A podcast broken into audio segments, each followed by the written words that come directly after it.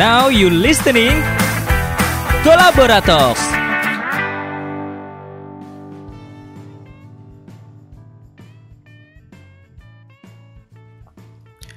Halo Collaborations, balik lagi bersama Kriston.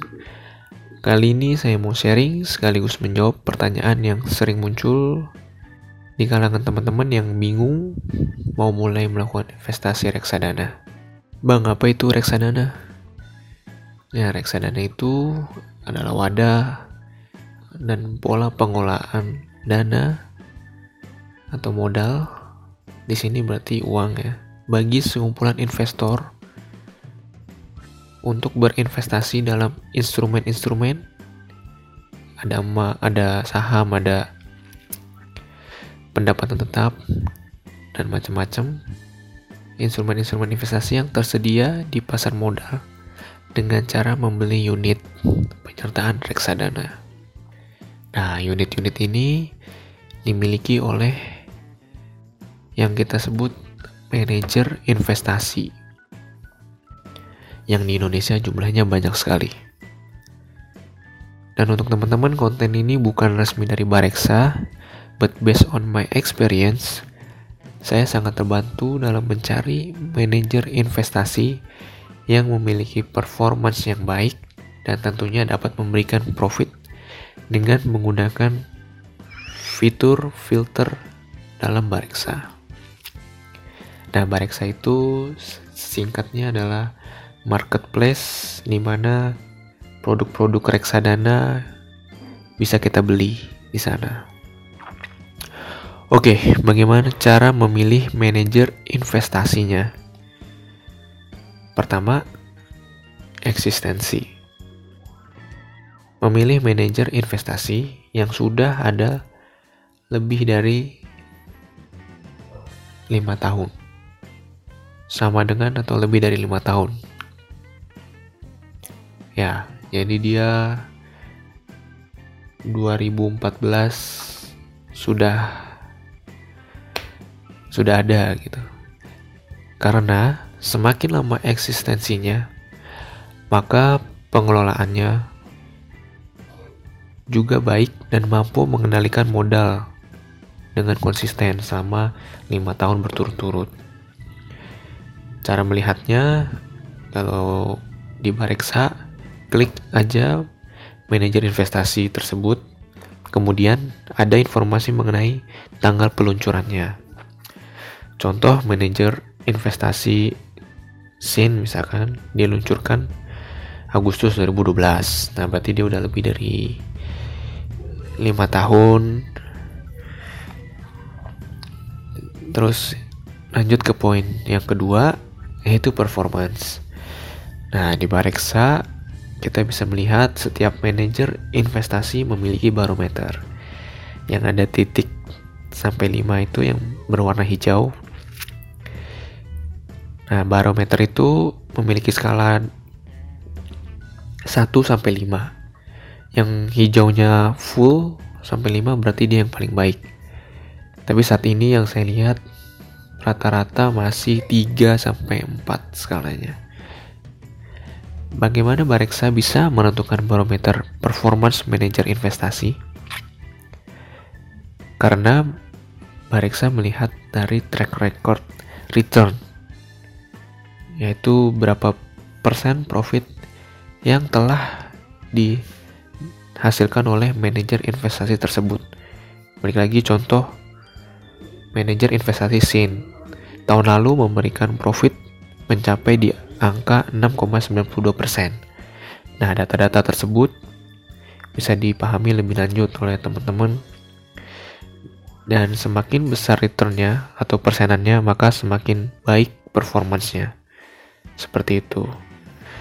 Kalau yang satu sama dua ini emang saling erat kaitannya karena selama lima tahun performancenya bagus memberikan angka positif maka itulah yang paling bisa teman-teman percaya. Lalu poin ketiga melakukan riset manual. Sebenarnya bisa pakai poin pertama sama poin kedua cuman biar lebih afdol biar lebih merasa expert lah istilahnya. Melakukan riset manual. Yang saya lakukan biasanya browsing. Saat saya sudah mendapatkan nih yang sesuai dengan poin satu dan poin kedua. Eksistensinya udah lama performa juga baik. Tapi saya untuk memastikan cari di Google misalkan sin asset management bla bla bla bla. Nah setelah di googling misalnya pernah rugi di tahun sekian ruginya sampai minus berapa persen atau pernah vakum terus punya skandal pajak dan lain sebagainya. Nah itu jauhilah yang kayak seperti itu yang sudah pernah melakukan hal yang buruk. Seperti itu karena uh, sangat sulit mencari manajer investasi yang benar-benar positif. Rugi itu kalau memang instrumen reksadana saham minus 1% 2% di awal-awal memang tidak apa-apa karena instrumen saham kan jangka panjang tapi kalau yang lebih parah ruginya itu sampai benar-benar uh, viral kayak gitu itu udah berarti udah udah jelek istilahnya. Hindari yang pernah punya track record kayak gitu.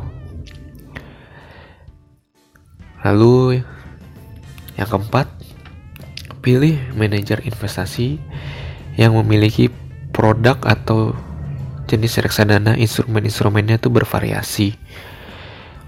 Dia mengelola pasar uang juga, pendapatan tetap juga, saham juga, campuran juga. Karena buat yang modalnya terbatas, pastikan agak sulit untuk uh, mencari manajer investasi yang lain, profesional yang lain. Nah, saat kita mau jangka pendek, kita bisa di manajer investasi yang sama dan juga menaruh di yang jangka panjang. Semisal satu juta di jangka pendek di reksadana pasar uang misalkan dan jangka panjang reksadana saham itu 2 juta misalkan. Di mani di manajer investasi yang sama. Seperti itu. Jadi dia punya instrumen-instrumen yang berbeda. Itu ada saham ada pendapatan tetap ada campuran seperti itu. Meskipun rata-rata kebanyakan udah ada semua. Tapi mungkin ada yang belum itu juga masih apa namanya perlu dipertanyakan nah tapi poin keempat ini ya nggak berlaku buat teman-teman yang bisa dikatakan golongan sultan yang dananya itu 10 juta atau lebih karena kenapa? Warren Buffett berkata, jangan taruh semua telur dalam satu wadah.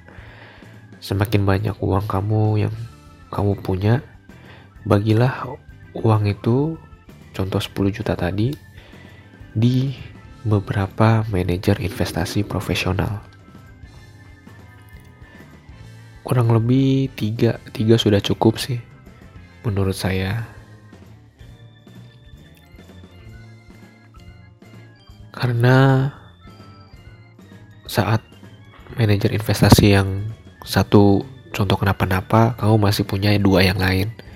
Gitu. Karena memang di mana pun kita berinvestasi pun dana yang bisa kita investasikan tidak perlu all out sampai semuanya di satu produk itu. Hindari yang seperti itu.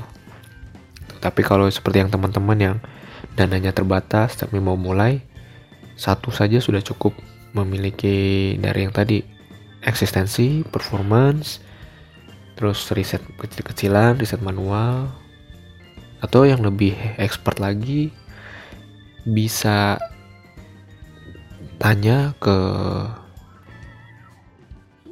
nasabah-nasabah dari misalkan si sin manajer investasi tersebut. Pastikan dia sudah pernah ngerasain yang benar-benar realnya itu. Kalau tanya ke pihak manajer investasinya pasti dia promosiin dirinya sendiri.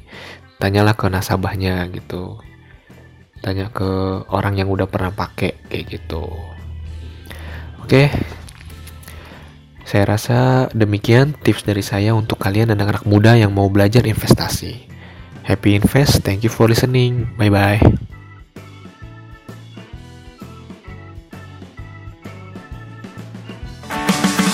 Thank you for listening. Kolaborator